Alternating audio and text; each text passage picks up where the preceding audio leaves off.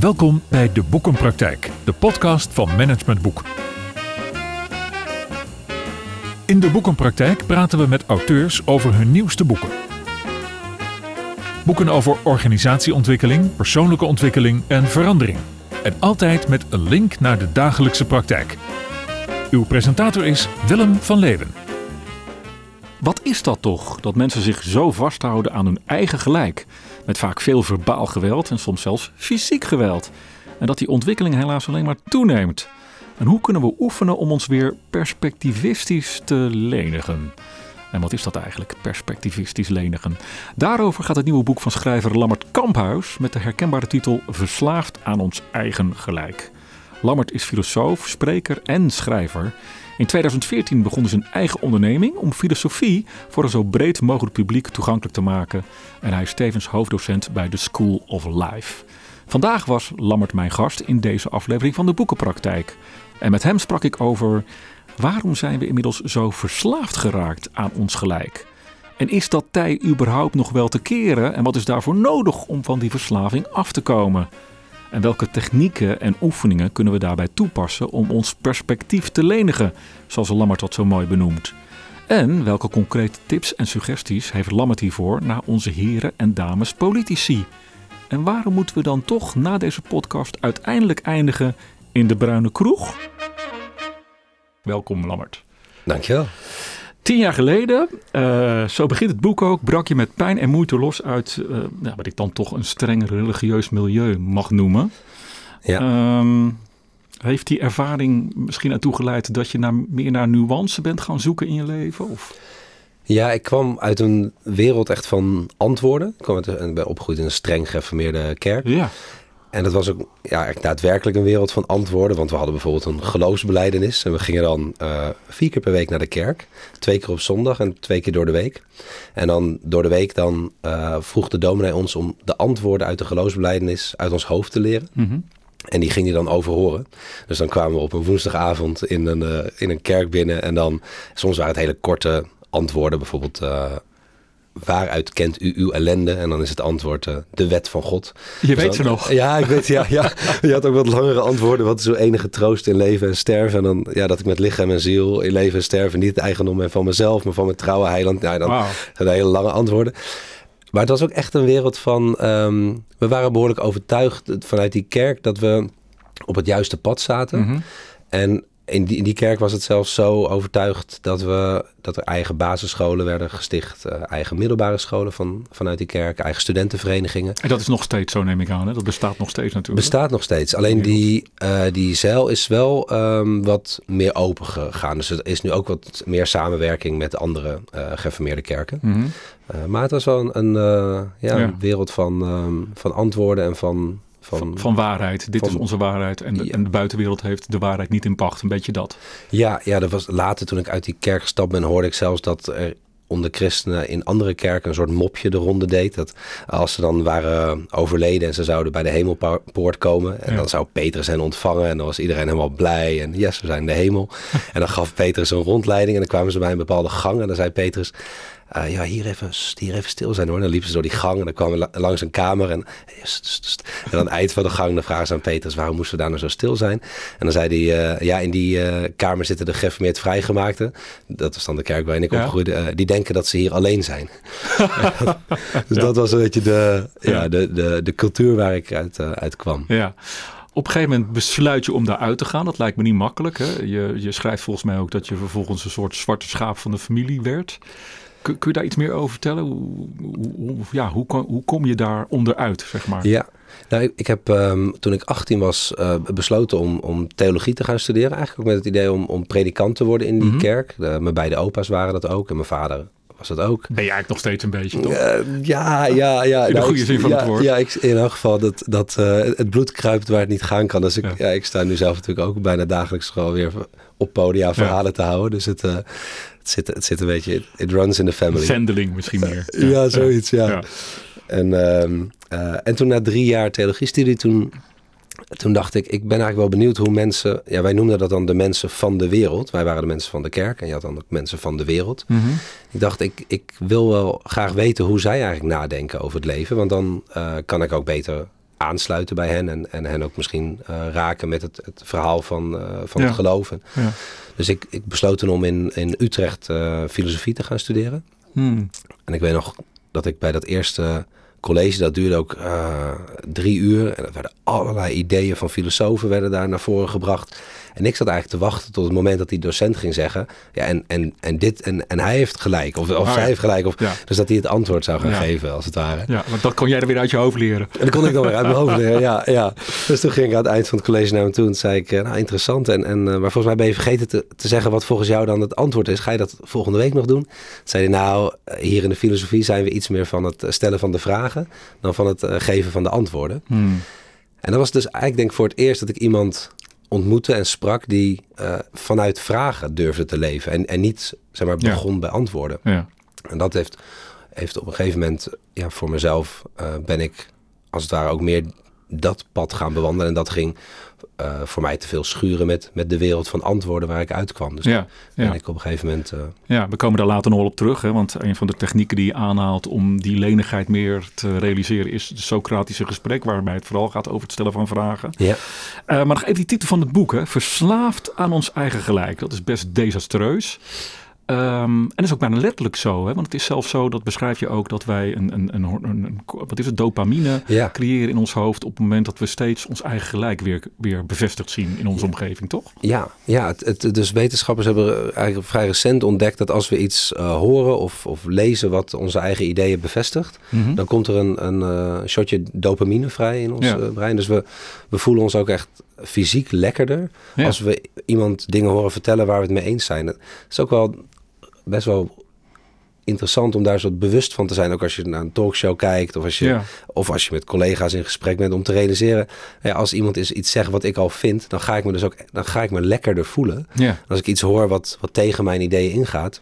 Dus eigenlijk is dat ook een beetje biologisch bepaald, kun je stellen. We Ja, er zit een zijn natuurlijk toch een beetje groepsdieren. En Kennelijk willen wij tot de groep behoren met de mensen of degene die een beetje hetzelfde denken en hetzelfde wereldbeeld hebben of zo. Ja, ja, Ja. er zit echt een biologische eh, Ja. component in. in het, eh, En op een gegeven moment breek jij zeg maar een beetje uit, uit die, die gereformeerde, eh, uit dat religieuze milieu. Hè? Hoe noemen we dat nou? Gereformeerd vrijgemaakt. ja, vrijgemaakt. Ja, ja. Ehm, en dan schrijf jij tot mijn schrik, vind ik mezelf de laatste jaren terug in een samenleving die steeds meer gaat lijken op de kerk waarin ik opgroeide. Dat is best heftig. Ja, Ja. ja. ja, en dat is eigenlijk ook. ehm, de- begon ik me dat ook te realiseren, omdat ehm, we zijn nu natuurlijk, of ik, laat ik het voor, bij voor mezelf zeggen, ik ben veel vrijer nu om mijn eigen sociale netwerk vorm Ja. te geven. Of, ehm, dan toen ik opgroeide in die kerkelijke achtergrond. Maar eigenlijk, als ik heel eerlijk ben, is mijn huidige eh, netwerk aan vrienden en kennissen is eh, minder divers dan dat kerkgenootschap waar ik in opgegroeid ben. En dan heb je het over opleidingsachtergrond, Ja. achtergrond, um, ook man, vrouw? Of, of, of Ja. waar kijk je dan naar? Eh, nou, naar, naar, naar leeftijd, eh, maar ook inderdaad naar ehm, eh, opleiding, Hmm. naar sociaal-economische klasse. Eigenlijk was die, dat, dat kerkgenootschap was op heel veel vlakken, kwam je toch ook ja, meer etniciteit ook, Hmm. meer etnische ehm, verschillen in verschillende achtergronden. Ja, Eh, dus we, ja, daar wordt dan vaak die term echokamer voor gebruikt. Hè. Het, het blijkt ook uit onderzoek dat onze, onze netwerken eigenlijk steeds homogener ja. worden. En Ja. we, eh, ja, dus die echokamer is dan dus het idee dat je de hele tijd mensen dingen hoort zeggen die je net daarvoor zelf al zei van, nou, dat is toevallig zeg. Ja, Dat, heerlijk. maar, ja. maar dat is dan dus eigenlijk niet zo toevallig. Maar dat, eh, eh, dat komt dat je gisteren allebei naar Lubach hebt gekeken en eh, hetzelfde idee hebt ontwikkeld. Maar goed, jij zit natuurlijk dan ook dus eh, qua sociale kringen nog steeds in allerlei echokamers. Ja. Hoe verslaafd vind jij jezelf nog aan je eigen gelijk op een schaal van 1 tot 10? Oeh, ehm, acht misschien wel. Ja, ik, Ja, Ja, ik ben wel? door het schrijven van het boek eigenlijk vooral ook bij mezelf ben ik me nog bewuster van geworden hoe, eh, hoe makkelijk het is om in je eigen gelijk te blijven Ja, hangen en hoe moeilijk het dus ik, En ook in hele kleine dingen hoor. Ik, ik betrapte mezelf de laatst bijvoorbeeld op dat ik mijn, ehm, eh, mijn weegschaal eigenlijk alleen maar vertrouw als die een gewicht laat zien wat me bevalt. ja, Dan ga ik erop staan en denk ik, nou dat ding werkt nog goed. ja. Maar als ik erop ga staan en, en het gewicht valt me tegen, dan is het eerste wat ik denk, wat is er aan de hand met die weegschaal? of, uh, of, wat is er, of staat hij niet recht? Of is ja. de batterij? En, en dat is, werkt dus denk ik ook zo bij uh, nieuwsberichten. Als we in de media iets lezen wat ons bevalt, dan denken we, een goede krant of een goede journalist. Ja. Als je een bericht leest wat niet in je straatje past, dan is het eerste wat je denkt, oh, een beetje gekleurde journalistiek. Of zo. Ja. En ik denk dat, ja, om daar dat bewust van te zijn, dat is denk ik um, een eerste stap. En dit boek heeft me eigenlijk nog wel weer laten zien dat ik zelf uh, daar nou ja, ook... Uh, ja. Ook redelijk nog uh, star in ben. Of, ja, of, ja, ik ja. zou nou, mo mooi zelfinzicht. Nou, en over die media gaat de eerste stelling. Stelling 1. Graag alleen maar even antwoorden met eens of oneens. Om het maar gelijk weer even te framen. zwart-wit de toenemende, ja, lekker zwart-wit houden. De toenemende polarisatie in ons land, waarbij we, waarbij we bijna niet meer in dialoog gaan, wordt veroorzaakt door media en politiek. Oneens. Ik, ik, ik zag wat twijfel. Waar, waar, waar wat, denk Ja, je hardop? Nou, het is, het is wel, denk ik, een van de ehm, aspecten die bijdraagt aan, aan, die, eh, aan die polarisatie. Maar het is niet het, eh, niet het enige. Dus wat denk ik ook dus heel erg eraan bijdraagt, is dat die, die eh, netwerken steeds homogener worden. Mhm. Waardoor we steeds bevestigd worden in het eigen gelijk en, en minder begrip krijgen voor anderen. Ja. Maar ik, We zoeken het ook zelf op, zeg je eigenlijk. ja, het ontstaat ook, ja, ook wel door onszelf, maar, maar het is wel één van de oorzaken. Dus, Want neem even die media, hè? dat beschrijf jij ook. Met name die, eh, die, dat artif- artificial intelligence zorgt ervoor dat wij, eh, of die algoritmen zorgen ervoor dat wij alleen maar de berichten krijgen te zien die we willen zien op social media, toch? Die passen Ja. bij onze levensstijl en bij onze overtuigingen.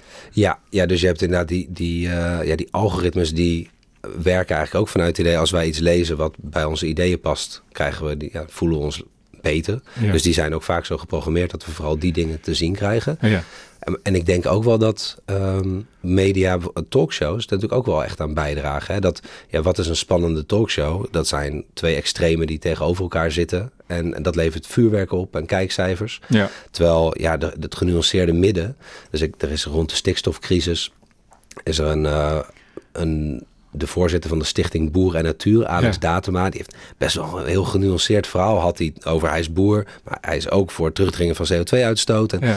en hij zei, ja, ik ben door acht redacties van talkshows of zo gesproken in die tijd. Eh, en elke keer zeiden ze, nou, wat een, eh, wat een interessant, wat een genuanceerd verhaal eh, heeft u. En dan hingen we op en dan zei hij, dan, daarna hoorde ik nooit meer iets van ze. Ik werd nooit uitgenodigd. Hmm. Want ja, de- zo'n heel genuanceerd verhaal aan een talkshowtafel, ja, dat is niet Dat scoort interessant. Nee, terwijl daar natuurlijk wel heel vaak de, de oplossing of de, de verbinding ligt die, no- die nodig is om tot een oplossing te komen. Ja, ja, ja. Maar die politiek, hè, ehm, ik bedoel, die, die wordt ook steeds polariserender natuurlijk. Dat zien we in de Tweede Kamer, maar we zien ook bijvoorbeeld populistisch taalgebruik, wat mensen willen horen. Ik weet niet wat een oorzaak en gevolg is, maar kun je ook stellen dat politici ertoe bijdragen dat we steeds meer zwart-wit gaan denken over, over, over grote opgaven en issues in de maatschappij? Ja, hoewel ik ook wel, ook wel een beweging Of ben ik jou de ander aan schuld aan het geven? Dat kan natuurlijk ja, ook, misschien. Ja, nou, ik denk dat, dat het, het, het, kan er, ik- het kan eraan bijdragen, maar er is misschien ook wel dat, dat in deze campagne viel me dat op, dat er dus ook heel erg zo'n beweging is naar we willen meer naar het midden toe. En, en ehm, dus dat, het, dat ze dat misschien Hmm. ook wel ehm, aanvoelden dat de samenleving een beetje dat heel, dat heel erg de extreme een beetje zat is. Ja, Eh, dus ik, ik durf dat niet. En, en wat, wat betreft polarisatie is het ook nog wel interessant om, eh, omdat ik in, tijdens het schrijven van het boek ontdekte ik dat er eh, niet per se sprake is van inhoudelijke polarisatie in, eh, in, in Nederland. Dus er zijn thema's waarop we inhoudelijk verder uit elkaar gaan liggen, zoals Mhm. immigratie, maar, maar ook thema's waarop we juist inhoudelijk eh, dichter bij elkaar komen te liggen, zoals kernenergie. ja. En, ehm, dus inhoudelijk is er niet op alle gebieden sprake dat we dat de standpunten extremer worden, maar er blijkt wel sprake te zijn van eh, affectieve polarisatie. En, Wat is dat? eh, dat houdt in dat er al een aantal decennia aan mensen in Nederland gevraagd wordt: ehm, wat zijn jouw gevoelens bij mensen aan de andere kant van het politieke spectrum? En dan Mhm. kunnen ze gewoon inschalen van, van Ja. 0 tot 10. Ehm, en het blijkt dat we dus steeds negatievere gevoelens krijgen bij mensen aan de andere kant van het spectrum. Dus we, we krijgen eigenlijk steeds meer hekel Ja. aan andersdenkenden. We zitten nog niet op het niveau van de VS, waar het ook gemeten wordt. Mhm. Maar het, wordt, het gaat wel meer die kant op. ja. En, En, ehm, hoe komt dat? Hoe komt dat we daar steeds meer een hekel aan krijgen? Daar komt volgens mij zo'n term woke ook vandaan. Dat we het steeds Ja. meer proberen te framen als iets negatiefs. Ja, ik denk, ik denk dat dat dus eh, enerzijds die, die ehm, filterbubbel online is, waar Mhm. we steeds bevestigd worden in ons eigen gelijk. ja. Ehm, en die, die echokamer waar we in zitten. En ik denk dat wat er ook aan bijdraagt, eh, ik, ik zie polarisatie ook als een, als een soort copingmechanisme. Dus op het moment dat eh, de wereld onzeker wordt en meer dre- dreiging ervaren wordt en geopolitiek is er onrust, Mhm. eh, eh, klimatologische eh, dreiging Mhm. dat, dat, dat dan polarisatie een soort copingmechanisme is van alles is onduidelijk. Maar één ding is duidelijk, wij zijn goed en jullie Ja. zijn fout. Dus het is een soort illusie weer van controle Ja. eh, willen Ja. krijgen. Jij hebt het ook over, vind ik ook zo'n mooi woord, allodo. Ik ga het niet goed uitspreken en ik kan het niet eens uitspreken. Denk ik, allodoxo. Allo, help me even, allodoxafobie. doxafobie, ja. Ja het zo'n dus- moeilijk woord, maar wel een heel mooi woord. Maar dat gaat over angst voor mensen met een andere opvatting. Dus kennelijk zit er, behalve dat wij ook eh, biologisch dopamine eh, ehm, creëren op het moment dat we in echokamers zitten, ja. Eh, is er ook iets van, van wat ons tegenhoudt om met mensen met een andere opvatting om te gaan, omdat dat iets van angst en onzekerheid creëert. Ja, Kun ja, dat, meer over vertellen? ja, dat is een, ook wel een, inderdaad een eh, bijna onuitspreekbaar woord. Maar allodoxafobie, ja, Ja. dus de angst voor andere opvattingen. En ehm, daar zit dus ook iets in dat op het moment dat jij iemand spreekt die andere ideeën heeft, dat daarmee komt er ook iets op het spel te staan voor, je, voor jezelf. En dat we ehm, dat daarmee dus, kijk, de ideeën die wij over de wereld hebben, die geven ons ook een bepaalde misschien veiligheid of een bepaalde rust of Ja, overzicht. overzicht. Ja. Ja. En dat het, eh, het geconfronteerd worden met iemand met andere ideeën, dat we dat eigenlijk een beetje willen, willen uitstellen. Uit angst voor dat, ja, dat die veiligheid die we voor onszelf gecreëerd hebben, of die helderheid. Heb je daar een voorbeeld bij? Ehm, nou, ik zou me bijvoorbeeld kunnen voorstellen dat. ehm, ehm, Misschien migratie, dat is misschien zo'n voorbeeld of niet. Dat we, ik hoor nu eh, in de politieke debatten in aanloop naar de Tweede Kamerverkiezingen kregen de, de, de migranten eigenlijk een beetje van alles de schuld. Hè. Woningnood komt door migranten, et cetera, et cetera. Eh, Ja. Overlast komt door migranten, et cetera. Onveiligheid komt door migranten. Ehm, en op het moment, stel dat je dat gaat... On ja, ik ben mijn eigen vraag aan het beantwoorden misschien. Ja. Maar stel dat je dat gaat... vind ik ook wel leuk. ja, ja, ja. Ik, Als jij even hier gaat zitten, ga ik weer. Ja, ja. Maar, maar even, ik toets het even ondertussen bij jou. Op het moment dat je dat gaat onderzoeken, dan wordt het misschien wel onveilig. Omdat er dan misschien blijkt dat er iets heel anders in wereldbeeld aan de hand is dan wat jij denkt. En dan wordt die wereld misschien minder veilig of overzichtelijk voor je. Ja, ja, dus denk, ja, dus inderdaad, het is die, die overzichtelijkheid van zo'n een, een duidelijk antwoord van ja, dit is het, eh, dit is het probleem en hier komt dat door. Ja. Eh, als je, dat geeft ook ja, een soort idee dat er dus ook een makkelijke oplossing is. Als Oh er ja, gewoon een heel ja. duidelijk probleem is, dan, hebben we ook een duidelijke oplossing. Dus het geeft een soort eh, rust. En te- terwijl ik, ik vind dat zelf een ehm, mooie ontdekking eigenlijk uit, uit wetenschappelijke onderzoeken. Dat op het moment dat hoe eh, overtuigder mensen over een bepaalde zaak zijn, Ja. hoe minder ze over het algemeen van iets weten. Ja. Daar is, dat heet het, het eh, Dunning-Kruger effect. ja. Dat is ook wel een goede om bij Ook weer een besprekingen... mooie Scrabble-term. Ja, Ja. oké. maar ook een mooie om af en toe bij op, op feestjes of op besprekingen erin te gooien als iemand heel overtuigd ergens over is. Om dan te zeggen, hey, we- weet je dat er eh, wetenschappelijk eh, onder, bewezen is dat hoe overtuigder mensen zijn, hoe minder ze ergens van weten. En een heel mooi onderzoek daarna is gedaan rond de annexatie van de Krim in, in 2014. Ja. Toen is er in de VS aan inwoners gevraagd eh, op een schaal van 0 tot 10. Hoe overtuigd ben jij dat de VS eh, militair moet ingrijpen o- op de Krim? Ja. En daarna moesten ze op een wereldkaart aanwijzen waar de Krim eigenlijk ligt. En toen bleek, dus, ja, en toen bleek dus dat hoe overtuigde mensen waren over dat ingrijpen, hoe verder ze gemiddeld genomen aflagen op de wereldkaart van waar de Krim was. Ja, ja. En, en het is denk ik wel een mooi beeld dat, dat hoe meer je natuurlijk ergens over leest of over, ergens over weet, hoe moeilijker het wordt om een soort heel eenduidig, eenduidige opvattingen te hebben. Vaak Hmm. ga, je, ga je dan toch ja, iets meer richting de ja. genuanceerde. Eigenlijk heeft het dus ook te maken met misschien wel dat onze maatschappij steeds complexer wordt. Hè. De, de vraagstukken worden steeds groter, omvangrijker. Digitalisering neemt toe, globalisering. En we proberen dat misschien alsmaar toch te, te pakken en te vatten en te beheersen. En dat Ja. lukt maar niet. Ja, ik, ik denk dat dat een, echt een belangrijke uh, oorzaak is. Dat het dat, uh, ja, als, een, als een copingmechanisme over omgaan. Even met... uitleggen misschien wat copingmechanisme is. Ja, dus coping is, uh, dat is een soort dynamiek die ontstaat om om te gaan met iets wat beangstigend is. Of Ja. zo. En in dit geval is dan dus, ja, de, wat jij zegt, de, de, de wereld wordt complexer, de wereld wordt misschien onduidelijker. Er zijn dingen aan het, grote, grote veranderingen gaande. Ja.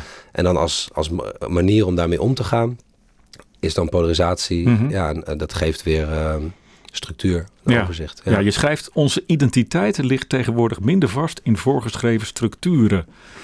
Wat bedoel je daarmee? Vind ik zo'n mooie zin. Oh ja, ja. Nou, dat ehm, voorheen was het natuurlijk vaak zo. De, ehm, als we ergens ge- geboren werden, dan bleven we. Was een grote kans dat we in die plek bleven, op die plek bleven wonen. Eh, als we met iemand gingen trouwen, was de kans groot dat we daar ons hele leven bij bleven. Invloed van de kerk en de invloed misschien ook van Philips, waar we zeg maar, eh, Ja. die voor onze huizen zorgde, et cetera. Precies, dus die ja. verzuiling die er toen was. Ja. Inderdaad, ja. ja. En er is Je een, hoorde ergens toe of zo. Ja, je hoorde ergens bij een, een grotere structuur waar je onderdeel van was. Ja, en het, eh, ehm, er is een, een socioloog, een Pools-Britse socioloog, Zygmunt Bauman, eh, die beschrijft onze cultuur als een, een tijd, van- we leven in vloeibare tijden, zegt hij dan. En vind ik wel een mooie term, Ja. vloeibaar. Van, ja, ehm, qua werk zijn dingen vloeibaar. We blijven niet meer allemaal bij dezelfde werkgever ons hele leven. Qua wonen, qua vriends, vriendenkringen die veranderen misschien Ja. meer. Alles is meer aan, het, aan vloeibaar. Relaties hier ook natuurlijk. Relaties ook, Ja. ja. Ja. En, en voorheen was het misschien toch was, was het makkelijker dat je, ja, je werd ergens geboren en daarmee ja, had je al eh, een heel deel van je identiteit waar je de rest van je leven niet meer over hoeft te twijfelen. Dat, Mhm, dat ja. lag vast. Ja, en het feit dat dat vloeibaarder wordt, is dat, is dat dan spannender voor ons? Maakt dat dat we onzekerder worden en dat we daarmee ons nog meer vastzetten in onze eigen overtuiging, op ons over, in onze eigen overtuiging? Of? Ja, ik, het is ook best een, een, veel, een grotere last of een grotere verantwoordelijkheid om dus steeds Mhm. zelf na te denken over, oh ja, wie ben ik, wat vind Ja. ik belangrijk. Dus het is enerzijds vrijheid, wat, wat geweldig is, maar, maar het is ook best een grote, grote verantwoordelijkheid. Ja, En ehm, eh, er wordt ook wel eens gezegd dat bijvoorbeeld de ehm, DSM, dat handboek van eh, de psychologische Ja. stoornissen, dat is, ehm, dat begon ooit met, nou, volgens mij iets van 130 stoornissen en we zitten nu op 350 of zo. Dus het neemt steeds verder toe. En er zijn ook psychiaters die zeggen dat is eigenlijk ze- persoonlijkheidsstoornissen. ja. Ja. En dat zien ze ook als een, ehm, een gevolg van het feit dat we nu zo... Ja, dat het voor ieder persoonlijk ook veel ingewikkelder is om na te denken over wie ben ik. En Ja. dat dan zo'n stoornis of zo'n label geeft ook weer even een soort duidelijkheid. Oh ja, dit, dit Ja. helpt me om mezelf Ja. beter te begrijpen. Maar ook dat is eigenlijk weer een soort manier om het in een modelletje en in een soort eh, hokje te kunnen stoppen en het daarmee overzichtelijk en beheersbaar te maken, toch? Ja, er, in elk geval, er is een, een, een, een Belgisch psychiater, Paul Verhagen, die zegt ja, dat is wel het risico daarvan. Ja, ja. ja, ja, ja. Gaan we naar de tweede stelling. Stelling 2. Want een oplossing hiervoor is mogelijk zelfreflectie. Hè, dat beschrijf je ook, dat je wat meer nadenkt over wie ben ik. Daar gaat de tweede stelling over. Zelfreflectie is een illusie. Ons brein heeft nou eenmaal te veel ingebouwde mindfuckers hiervoor. Oneens. Een hele mooie lach krijg ik gelijk te zien. Wat jammer, eh, nou, op de video kun je dat misschien terugzien. Dus je zegt met een hele grote lach oneens. Ja, nou, ik, ik, zit ook, ik moet er ook een beetje om lachen, omdat ehm, eh, Socrates, eigenlijk de eerste echt bekende westerse filosoof, Ja. die, eh, die zegt, ehm, eh, en dan moest ik, die quote moest ik denken toen je de, de stelling voorlas, een leven zonder zelfonderzoek is het niet waard om geleefd te worden. Ja. Dus dus de, de, de filosofie komt natuurlijk heel erg voort uit die, uit die oproep tot, tot zelfonderzoek, jezelf beter begrijpen. Mhm. En ehm, ik, ik ben het eens met, met je stelling in de zin dat we denk ik veel meer gestuurd worden door de onbewuste... eh, Nou ja, jij schrijft in je boek, hè, onze geest is lui. En eh, dat heeft ook gewoon weer biologisch te maken met op het moment dat we moeten gaan nadenken en ons dit soort kritische, zelfreflectieachtige vragen moeten gaan stellen. Dat kost energie. Ja. En dat, eh, dat hebben we liever niet. Ja. Dus doordat die, die geest lui is, ontbreekt die zelfreflectie eh, bijna volledig. Hè. Je hebt een aantal, een aantal van die mindfuckers, noem je ook. Gaan we nog even naar kijken. Maar maakt dat niet dat we. Ik kom ook heel veel mensen tegen, maar ik, ik kom misschien ook in die verkeerde groepen dan. In die echokamers. Ja, wat ik denk, kijk ook eens even naar jezelf in plaats van dat je gelijk anderen de schuld geeft.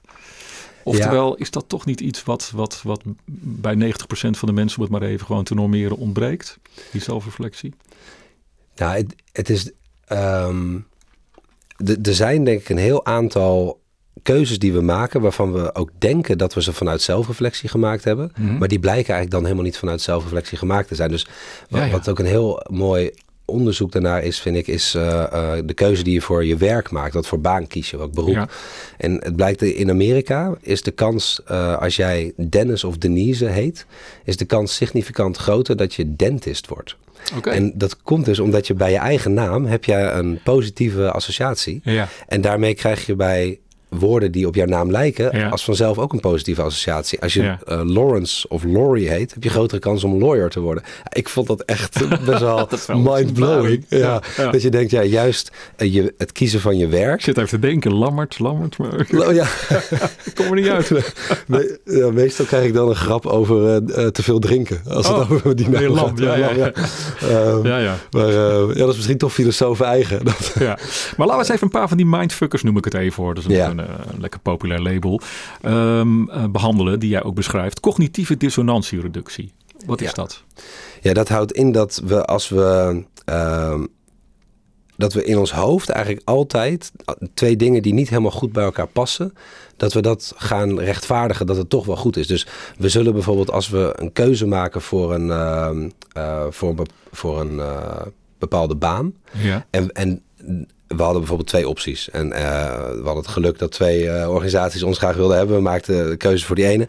En daarna krijgen we te horen dat die andere organisatie op een geweldige manier aan het ontwikkelen is. Dat er fantastische dingen gebeuren. En de organisatie waar jij voor gekozen hebt, ja, dat begint, ach, is wat Hmm. minder, een negatieve sfeer. En, Dan praat je een beetje naar je toe, zeg maar. ja, en dan wat we dan inderdaad zullen gaan doen is die keuze voor die organisatie voor onszelf toch altijd een beetje gaan rechtvaardigen. Oh ja. Van ja, maar goed, ja, het is wel dichter bij huis. En, eh, Ja. en eh, ach, ach ja, al die ontwikkelingen bij die andere organisatie, het geeft ook maar onrust. Of zo. Dus dan gaan we in ons hoofd gaan we dan dingen altijd voor onszelf goed praten. Ja. Om, om weer rust te krijgen. Ja, we komen eigenlijk weer op Kahneman natuurlijk, die daar toch wel een beetje, vind ik, een enorm eh, goed boek in heeft geschreven. Ja. Gemotiveerd redeneren is ook zo'n zo'n zo'n techniek die we onbewust toepassen. Want het gaat allemaal over iets wat we onbewust eigenlijk doen. Hè?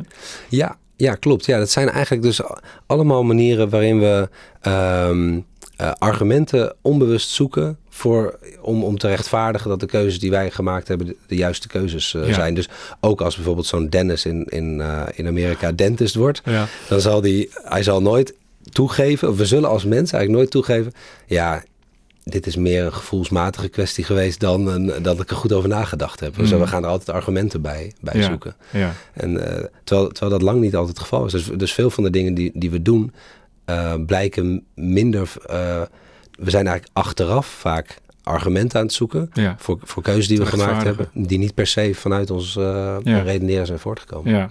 Ik postte gisteren iets eh, over de self-serving bias. Ah, Kun ja. je die nog even toelichten? Ja. ja, de self-serving bias is, de, is dus de neiging die we als mensen hebben om ehm, dingen vooral in ons eigen voordeel tijd te zien. Ja. Eh, dus wat ik een heel, heel mooi onderzoek daarnaar vind, is ehm er moesten, mensen moesten een hele lijst met wiskundesommen en logica raadsels en zo maken. Ja. En dan eh, kregen ze een week later online hun antwoordenlijst terug van de onderzoekers. Mhm. En dan zeiden die onderzoekers, nou je hebt er nog een, eh, een weekje over na kunnen denken. Eh, je hebt een half uur om je antwoorden aan te passen. En dan elke keer kregen ze hun eigen antwoorden van de onderzoeker. Ehm, maar de ene keer zeiden die onderzoekers, dit zijn je eigen antwoorden. Mhm. Je hebt een half uurtje om ze aan te passen. De andere keer zeiden ze, eh, dit zijn de antwoorden van een andere deelnemer. Maar dan waren het ook de eigen antwoorden van Ja, die ja. mensen. En wat blijkt, als wij als mens denken dat we onze eigen antwoorden aan het aanpassen zijn, Ja. dan verbeteren we, of dan passen we gemiddeld 15% van de antwoorden aan. Als we denken dat het de antwoorden van een ander zijn, maar het zijn ook onze eigen antwoorden, dan passen we gemiddeld 60% van de antwoorden aan. Ja. Ja. En daar zit dus een soort neiging in om onszelf, maar ook onze eigen generatie, altijd beter in te schatten dan anderen. Ja. Dus die self-serving bias is, is bijvoorbeeld ook de reden dat eh, we eigenlijk altijd het idee hebben, ja, de beste muziek is gemaakt in onze tienerjaren. Daarna is er nooit echt meer goede muziek Ja. gemaakt. Of de jeugd van tegenwoordig, ja, die, die werkt natuurlijk nooit zo hard als wij. En Ja. die zijn niet zo beschaafd. Ik was laatst bij een advocatenkantoor. Had ik het met de, de partners van het advocatenkantoor erover. Die hadden ook allemaal het idee, ja, die Gen Z'ers, ach, die, die werken gewoon niet zo hard. En het is gewoon, hoe krijg je die nou? Die krijg je gewoon niet aan het werken. Onze generatie werkte veel harder. Maar ja, toen gingen we is al die eh, quotes bij langs. Dit, dit wordt al 2000 jaar door, door mensen gezegd. Ja, Ja. die jonge generatie die wil niet werken. Ja. En, en het grappige is, dat, dan kun je er met elkaar heel erg om lachen. Van, ach, oh ja, het grappig zeg. Seneca zei dat ook al in de eerste eeuw na Christus. Ehm, en, en dan zeg je, oké, dus laten we het nu eens omdraaien. Stel dat die generatie wel degelijk net zo hard werkt als jullie. Zijn daar ook argumenten voor te vinden? Oh ja. En dan ineens is het zo van, ja, ja nee, het is wel grappig dat het altijd al gezegd wordt. Maar, maar volgens mij is het nu ook echt zo. nu, nu is het echt zo. Ja. Dus het is heel moeilijk om dan uit, die eigen, komen, ja, uit je eigen denkfout even te stappen en, en buiten je ja. tunnelvisie te Dus het kijken. gaat eigenlijk vooral om de ander meer de schuld te geven dan jezelf. En jezelf wat meer goed te praten. Ik postte dat gisteren. En toen kreeg ik een reactie van iemand. En die zei, ja, dat geldt eigenlijk vooral voor mannen.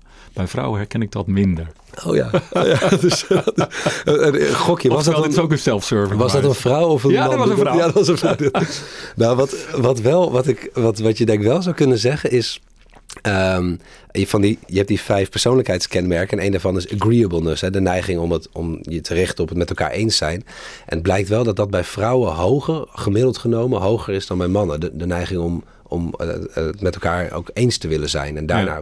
Dus je zou denk kunnen zeggen dat, dat mannen misschien vanuit dat idee nog iets meer het risico hebben om, om dat vast te zitten Ja. in hun eigen gelijk. Dat, dat, dat, die homogeniteit is misschien nog groter tussen mannen.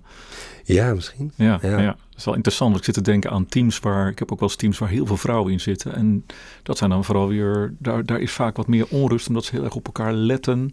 En elkaar wat minder snel omarmen, zeg maar, als gelijke partner. Terwijl bij mannen is dat snel, laten we een biertje doen en het is goed, zeg maar. Oh ja, dat ze de...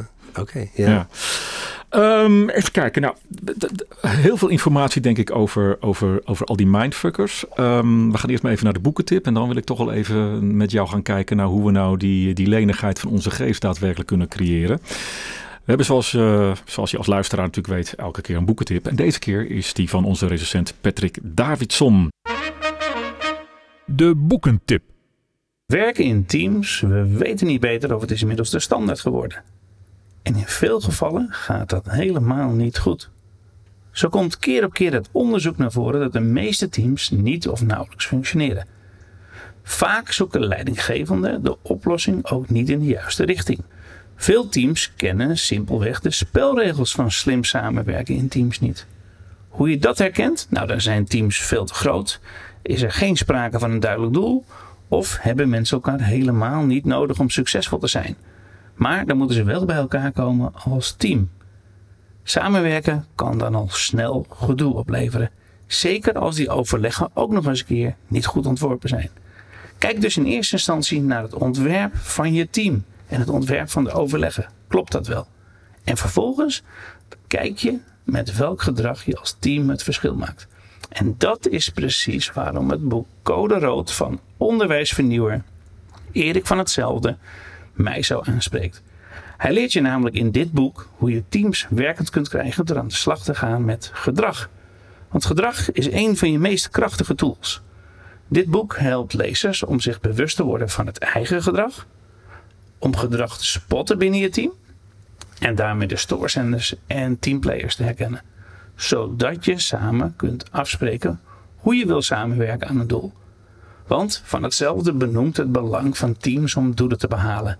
En hij geeft een prachtig persoonlijk voorbeeld. Zo zou hij er naar eigen zeggen zelf nooit in slagen om van een slecht presterende school een goed presterende school te kunnen maken. Maar wat hem wel zou lukken, met al zijn ervaring, is het vinden en kneden van dat team. Dat wel degelijk een topschool zou kunnen maken. En wat hem daarbij persoonlijk drijft? Goede teams in het onderwijs, zodat er gelijke kansen komen in de samenleving. Met name de 640.000 kinderen die rond de armoedegrens leven, verdienen gelijke kansen. Van hetzelfde neemt je zonder al te veel poespas mee in zijn praktijkervaringen. Je leert hoe hij voorkomt dat verandering wordt tegengehouden door het gedrag van een klein groepje. En hoe hij daarbij structureel waarneembaar gedrag effectief indeelt in rood, oranje en groen. Als dit je aanspreekt, lees dan vooral Code Rood. Ik vond het een prettig boek om te lezen en het zette me ook aan om twee classics, in het boek geciteerd, te lezen. Games People Play van Eric Byrne en I'm Okay, You're Okay van Thomas Harris. En zo beginnen we het jaar zoals we eindigden met het lezen van enkele goede boeken. Tot zover de boekentip van Patrick Davidson. Terug naar onze gast Lammert Kamphuis naar aanleiding van zijn nieuwe boek Verslaafd aan ons eigen gelijk. Een pleidooi voor perspectivistische lenigheid. En daar gaat onze derde stelling over. Stelling 3. Elke perspectiefwisseling betreft training op bewustzijnsniveau. Terwijl de kiem van onze angst om de ander te begrijpen in het onbewuste zit. En dus leidt dit niet tot duurzame lenigheid van onze geest. Dat is een lange stelling. Uh, oneens. Vertel. Het zijn toch allemaal technieken die je bewust moet toepassen om je mindset te beïnvloeden, die jij beschrijft? Ja, alleen door die. Ik, ik geloof dat doordat uh, die technieken om je bewust te denken te veranderen, dat dat, dat ook invloed heeft op het, op het onbewuste. Hè. Dus uh, uh, Epictetus, de Griekse filosoof.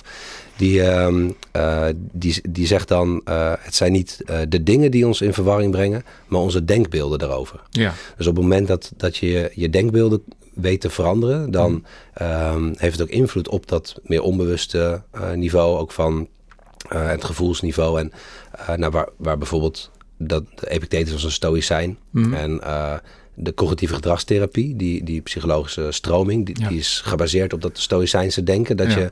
je dus door in je, in je bewuste denken anders, andere gedachten te ontwikkelen, andere ja. patronen van denken te ontwikkelen, dat het ook iets verandert op dat niveau van ja, je ervaring in de wereld en hoe je, hoe je verhoudt tot de dingen om je heen. Ja, die cognitieve gedragstherapie die is vooral heel erg bezig met te kijken welke overtuigingen zeg je in je hoofd en hoe belemmeren die jou eigenlijk jouw, jouw gedrag om effectief te zijn en krachtig te zijn en gelukkig te zijn. En hoe kun je dat in je hoofd veranderen? En de stoïcijnen die, die, die hebben daar een beetje de, de, die zijn daar een beetje de, hoe zeg je dat, de, de, cre, de creators van. Ja, zo de, ja, de, de, de, bron of zo ja, van dat, uh, ja. dat idee. Ja, en, en er is natuurlijk wel discussie mogelijk over uh, hoeveel invloed heeft nou dat bewuste denken nou op, dat, op meer dat onbewuste. Hè? Mm. En dan, dan, wordt, dan is er wel eens een, een discussie over, ja, moet je nou zeggen, uh, het bewuste denken is eigenlijk als een... Um, hoe noem je dat? Een, iemand die op een paard zit. De, de, de, hoe noem je dat? De jockey? De jo ja, zoiets. Ja. De, dus het bewuste denken is eigenlijk de jockey en het, het onbewuste is het paard. Oftewel, je hebt heel veel invloed op dat. Of is het meer het beeld wat Jonathan Haidt gebruikt? Uh, nee, het onbewuste is een olifant. En het bewuste denken is, is een mannetje dat op die olifant zit. En ja. die, heeft, die heeft wel wat invloed, maar, maar een stuk minder. Ja. Dus daar, daar, is, daar is natuurlijk wel uh, verschil van mening over. Van hoeveel invloed heeft het bewuste. Even trouwens voor de, voor de luisteraar, als je meer wil weten over de Stoïcijnse filosofie, luister dan eens even terug naar onze podcast met Mark Tuitert. Maar dan toch even terug. Hè. Stel nou dat het mij lukt om die bewuste denkbeelden te veranderen. En we gaan wel even een aantal van die technieken zo meteen langs, hoe je dat kan doen. Dan betekent dat volgens mij ook, in wat we uh, uh, uh, net concluderen met elkaar, dat je eigenlijk ook andere echokamers misschien wel gaat opzoeken. Oftewel dat je afscheid gaat nemen van vrienden en omgevingen waarin nog steeds geëchoed wordt en gesproken wordt over datgene waar je het eigenlijk niet meer mee eens bent. Zoek je dan ook weer vaak andere sociale omgevingen op?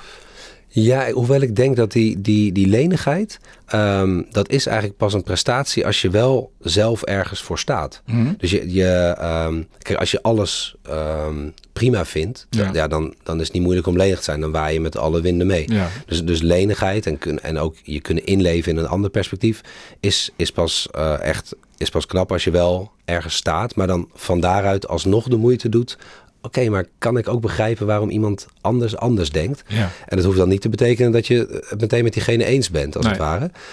Um, Want dat is even de, de definitie van perspectivistische lenigheid. Hè? Dat je kunt begrijpen waarom een ander iets anders denkt dan wat jij denkt, zonder dat je het daarmee eens bent. Ja. Ja, ja, dus ja. Ik, ik ben erg gecharmeerd van, van een, uh, een quote van een uh, uh, Sophie Oluwole, een Nigeriaanse filosoof.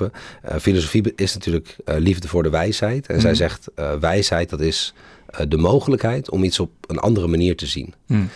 Dus om even in staat te zijn om te begrijpen waarom iemand anders anders kijkt. Of, ja. en, en dat is iets heel anders dan dat je het per se eens bent met, mm -hmm. met dat andere perspectief. Maar dat je de moeite hebt gedaan om je in te Ja. leven in een. In Maar zullen we die perspectivistische lenigheid, ik blijf het mooi vinden om uit te spreken, Ja. eens even, even oefenen. Want jij hebt het ook over een omdraaioefening. Ja. Wat is dat precies? Ja, dus dat is een, een, een hele oude oefening al uit de, uit de Griekse filosofie. Dat op het moment dat jij merkt dat je een heel sterk uh, oordeel ergens over hebt, een sterke Mhm. opvatting, dat je dat 180 graden omdraait en op zoek gaat naar, naar argumenten voor de andere kant van, van je oordeel. Ja, ja. Eh, om eigenlijk even te testen ook, ja, zijn er misschien blinde vlekken die, ik, eh, die, die zijn ontstaan in die opvatting? Of ik was laatst bij, met zorgbesturen deed ik deze oefening. En een van, de, van hen die werkte in een ziekenhuis waar een afdeling gesloten zou worden. Of dreigde gesloten te worden. En daar waren ze eigenlijk al jaren heel bezorgd over dat het zou Mhm. gebeuren. Toen gingen we deze oefening doen en toen... eh, was het dus dat zij dat omdraaiden en dat ze zei: Nee, het is niet, het is niet van. ah, het zou heel erg zijn als die afdeling gesloten wordt, maar het zou geweldig zijn als die afdeling gesloten wordt. Echt even eh, 360 graden draaien en daar Ja. argumenten voor vinden met elkaar. Ja, ja, ja 180. eh, 180, draaien. ja, sorry. Ja, precies. Ja, Ik draai te ver door. Ja, ja, precies, ja. En, eh, en, dat, en eh, na, aan het eind van, nou, dat was ze dan een, een half uur ook in gesprek met anderen. Zei, het was een heel, eigenlijk ook even een heel ehm, eh, bevrijdende oefening, omdat er allerlei voordelen eh, naar, naar, naar, naar voren kwamen, kwamen, waar ze eigenlijk die jaren daarvoor niet echt aan gedacht hadden. En dat betekende niet dat ze nu ineens eh, Mhm. het idee hadden, oh geweldig dat het gesloten gaat worden, maar dat ze wel eventjes zichzelf Ja. gegund hadden om, om daarbij En dat geeft dan toch een ander perspectief. Want wat, wat, wat, wat, wat leverde dat op aan perspectiefwisseling? Ja, het levert een ander perspectief op. En ehm, eh, ook wel een bepaald soort van vertrouwen in de toekomst. Van oké, als het gebeurt, nou dan levert het ook weer Ja. nieuwe mogelijkheden op. En ehm, nog steeds was de, de hoop dat het niet hoefde. Maar, maar de, de, ook de soort van de ehm, bijna paniek dat het zou gebeuren. Die was, eh, die was daardoor wel ehm, veel Ja. minder geworden. Een, een van de eh, stellingen in jouw boek, noem ik het maar even, die, wa- wat een beetje bij mij resoneerde, was we zijn te klein om boven onszelf uit te stijgen. Oh ja, Stef Bos. Ja, Stef Bos. Ja. Als we daar nou eens even een omdraaioefening op richten, ja. ehm, hoe zouden we dat dan kunnen doen? We zijn groot genoeg om boven onszelf uit te stijgen. En daar dan dus allerlei ehm, argumenten voor vinden. Ja, Ja, Ja. ja, ja. ja.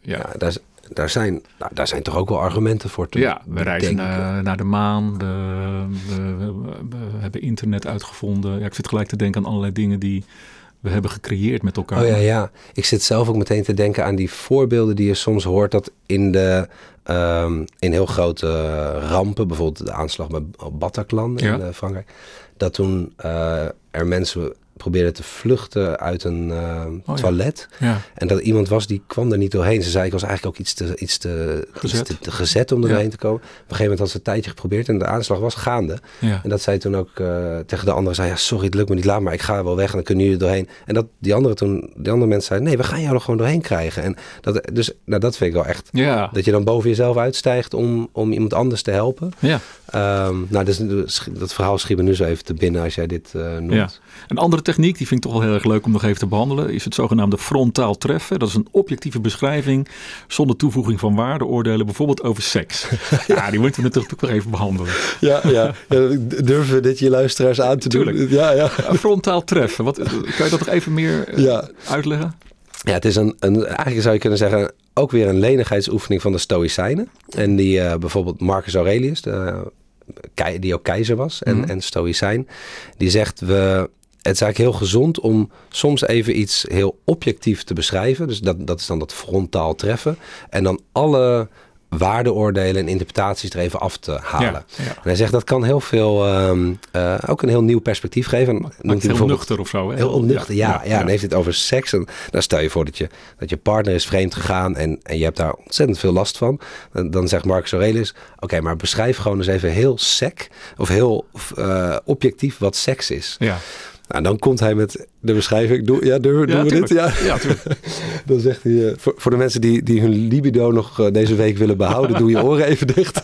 dan zegt hij namelijk, eh, moet ik het even goed zeggen, ehm, seksueel contact is ook niet meer dan het wrijven van een paar stukjes ingewand tegen elkaar, eindigend in een kramp met wat uitscheiding van slijm. Ja, ik vond prachtig. Ja, Ja. ja. Nou goed, de komende maanden, wat mij betreft, eh, hoeft het niet meer. Nee, dus, dus al je libido vergaat, eh, vergaat je ervan. Ja. Ja. Even toch naar dat Socratische gesprek. Hè. Wat maakt deze techniek nou minder polariserend? Ja, ehm, en, en trouwens, over dat frontaal treffen is misschien nog wel interessant om, om te zeggen dat ik het laatst eh, binnen een organisatie ook wel gebruikt heb om bijvoorbeeld je elkaar aan te spreken op gedrag. Da- dan is het ook een hele fijne natuurlijk. Ja. Omdat je, eh, stel je, je, je verzamelt al je moed eh, om tegen je manager te zeggen... Ja, ik vind dat je vaak zo dominant overkomt. Dat, dan, dan, Er is al, er zit heel veel emotie en in, interpretatie bij. precies, ja, ja. en dan, dan is dat frontaal treffen ook heel Ja, behulpzaam. dat is volgens mij gewoon wel een feedbackregel inmiddels geworden. Dat je begint met gewoon heel feitelijk het gedrag te benoemen in plaats van de interpretatie. Precies, ja. ja, van je gaat gewoon eh, steeds harder praten als we het oneens zijn. Of je komt dichter Ja. bij me staan of zo. En Dat je, ja, dus in, in daarin heeft dat frontaal treffen ook nog Ja. eh, ook nut. Ja, ja. Ja. Ja, die vond ik minder aantrekkelijk dan, eh, dan die Zoen. maar toch even over het Socratische gesprek. Wat maakt deze techniek minder polariserend? Het gaat natuurlijk in de kern over dat je elkaar bevraagt. Ja. Maar ik vond hem ook heel mooi met behulp van eh, eh, die discussie in een organisatie volgens mij over thuiswerken. Ja, ja ik, ik merk zelf dat die Socratische gesprekken ook heel erg helpen op het moment dat je in een, in een discussie zit waar je eigenlijk helemaal vast zit. Gewoon iedereen heeft de hakken in het zand gezet. Dus was een keer bij een organisatie, dat was rond thuiswerkbeleid het geval. Ja. Dus sommigen zeiden nee, we moeten gewoon eh, vier dagen op kantoor, één dag thuis. En anderen nee, we moeten eh, helemaal Lekker vrij. standpuntjes innemen. Ja, Ja. ja. en je, je merkt het ook in het gesprek. Als de een met het standpunt begon, dan zag je de andere helft al een beetje zo wegkijken. Van, heb- dus er werd ook helemaal niet meer naar elkaar geluisterd. Nee. Dat had eigenlijk geen zin om met elkaar verder te praten. En, en wat dan typisch aan het Socratische is, is dat je eigenlijk op zoek gaat naar de, de vraag achter de vraag. Mhm. Dus je gaat op, wat ik vaak zeg daarbij is, we, we, we moeten eigenlijk proberen uit dit concrete dilemma een vraag te abstraheren waarvan we denken dat iedereen op straat het een interessante vraag vindt. Ook Ja. als ze hier niet werken bij jullie. En wat was, de, wat was de vraag achter De vraag werd toen, ehm, hoe, ehm, eh, hoe verhouden individuele vrijheid en sociale cohesie zich tot, elkaar? Ja. En dan, eh, en dan is ook typisch Socratisch dat je dan daarna gaat nadenken over wat is individuele vrijheid eigenlijk? Wat is sociale cohesie? Ja. Gewoon een soort op zoek naar, naar Maar het gaat ook over de waarden volgens mij die je met elkaar eh, al dan niet deelt. Hè? En daar gaat het gesprek veel meer dan over met elkaar. Klopt, ja, Ja. ja. En uiteindelijk kwam dus dat, dat gesprek, kwamen ze ook achter. Ja, we moeten misschien ook helemaal stoppen met die term thuiswerkbeleid. Eh, en we moeten de term ontmoetingsbeleid gaan Hmm. gebruiken. Want dat is een, een waarde die we ook, al staan we heel verschillend in dat thuiswerkbeleid, wat we allemaal heel erg van belang vinden, dat Ja. ontmoeten. Ja. En hoe kunnen we ervoor zorgen dat collega's elkaar spontaan blijven ontmoeten? En dat, dat was een heel, ja, werd eigenlijk een heel ander gesprek daardoor dan dat waar ze helemaal vast zaten in dat thuiswerkbeleid. Nou zitten wij op dit moment in een eh, periode, als, als we deze podcast eh, opnemen, van, van formatie. Als ik even kijk naar de politiek. En ook daar worden weer allerlei standpunten gelijk ingenomen. Die wil niet met die en die gaat gedogen, et cetera. Hoe zou je zo'n Socratisch gesprek nou meer in, aan die formatietafel kunnen krijgen? Heb je daar een idee bij? Ja, ik denk dat het dus allereerst ook heel erg de zoektocht zal zijn naar wat zijn eh, waarden die een soort gezamenlijke grond zijn waar we, waar we op staan. Ehm, en dat op het moment dat je vastloopt in een bepaald thema, dat je, dat je ook steeds die be- beweging dan met elkaar maakt. Van, Oké, laten we nu niet helemaal vast gaan zitten in deze details, maar wat is nou eigenlijk ja, de vraag die hierachter ligt? Wat zijn de waarden die hier voor ons al- allemaal op het spel staan? Ja. En, en misschien dat er een andere manier mogelijk is om aan die waarde invulling eh, te geven. En ik denk dat ook bij, bij het, eh, de formatie ook een heel behulpzame tip uit het Socratische gesprek is dat, ehm, dat je af en toe ook even bij elkaar checkt. Wat bedoel je eigenlijk precies met deze term? Ja. En dat is ook typisch Socratisch. Hè? Dat, of Socrates die, die eh, aan iedereen op straat in Athene ging vragen... Ja, wat denk je eigenlijk dat moed, moed is bijvoorbeeld? Of dapperheid? Want iedereen heeft het erover, maar wat bedoelen we er eigenlijk mee? En dan blijkt soms dat we totaal verschillende invullingen van zo'n eh, begrip hebben. ja. Dus ik denk dat dat ook go- goed kan helpen bij een eh, formatiegesprek. Mooi, mooi. We gaan naar het einde van het gesprek. Ehm, is, er, is er iets, als ik eh, eh, naar al deze technieken luister eh, en, ik, en ik betrap me er zelf op dat ik misschien toch iets te veel verslaafd aan mijn eigen gelijk ben, waarvan jij zegt, daar kan je gelijk mee beginnen. Wat, wat zou ik nu gelijk kunnen doen als ik na Ja. dit gesprek de huiskamer weer inloop? Nou, het is nu, ja, bij ons is het nu vrijdag half twaalf. Maar een heel concrete praktische tip, dat kan net, nou misschien vanmiddag over Ja. een paar uurtjes, wat vaker naar de Bruine Kroeg gaan. Hey, Want, eh, want die staat niet ik- in het boek. nee, maar ik dacht dat hij erin stond, maar dat weet ik niet zeker. daar komt die naam Lambert toch vandaan. ja, dus dat is uh, omdat een bruine kroeg is nou typisch zo'n plek waar je mensen uit allerlei geledingen van de samenleving tegenkomt. En, en dus dat soort dingen doen. Je kunt natuurlijk ook zeggen uh, naar een vrijwilligersbank gaan Ja. om, om daar dingen. Dus dingen ondernemen waardoor je ook eens mensen tegenkomt die heel anders zijn. Want dat, dat blijkt eigenlijk uit, uit al, allerlei onderzoek. Op het moment dat je iemand uh, tegenkomt waar je allerlei beelden en, en vooroordelen over had, dan gaat je, gaan die vooroordelen altijd afbrokkelen. Ja. En dan wordt het ook makkelijker om naar ze te luisteren en ze, en ze serieus te nemen. Wauw. Ja, nou, Dankjewel. Ik vind het een goede tip en ik ga het doen. Ik ga de bruine kroeg in. Alleen denk ik toch wel weer met wat gelijkgezin. Dank, Lammert. Leuk Graag gesprek. Eh, Dankjewel. Een gesprek en een boek over het verslaafd aan ons eigen gelijk. Waar ik meer heb geleerd over de mooie en ook zo nuttige perspectivistische lenigheid. Ik verwijs je als luisteraar van deze podcast heel graag naar de volgende aflevering. Over twee weken is die weer op alle grote podcastkanalen te vinden. En daarin spreken we weer met een interessante auteur over zijn of haar boek. En vooral over de vertaling naar de werkelijkheid. Nou, bedankt voor het luisteren. Heb je vragen, opmerkingen of suggesties? Mail het dan svp naar info.managementboek.nl. En je kunt je natuurlijk abonneren op onze podcast als je dat nog niet gedaan hebt. Dan hoef je nooit meer een aflevering te missen. Daarvoor moet je even gaan naar managementboek.nl slash podcast. Tot zover de praktijk van boeken. Kijk voor meer afleveringen of een abonnement op de boekenpraktijk op managementboek.nl/slash podcast. Je vindt ons ook op Spotify, Apple Podcast, Google Podcast en Podimo. Hartelijk dank voor het luisteren en graag tot de volgende podcast.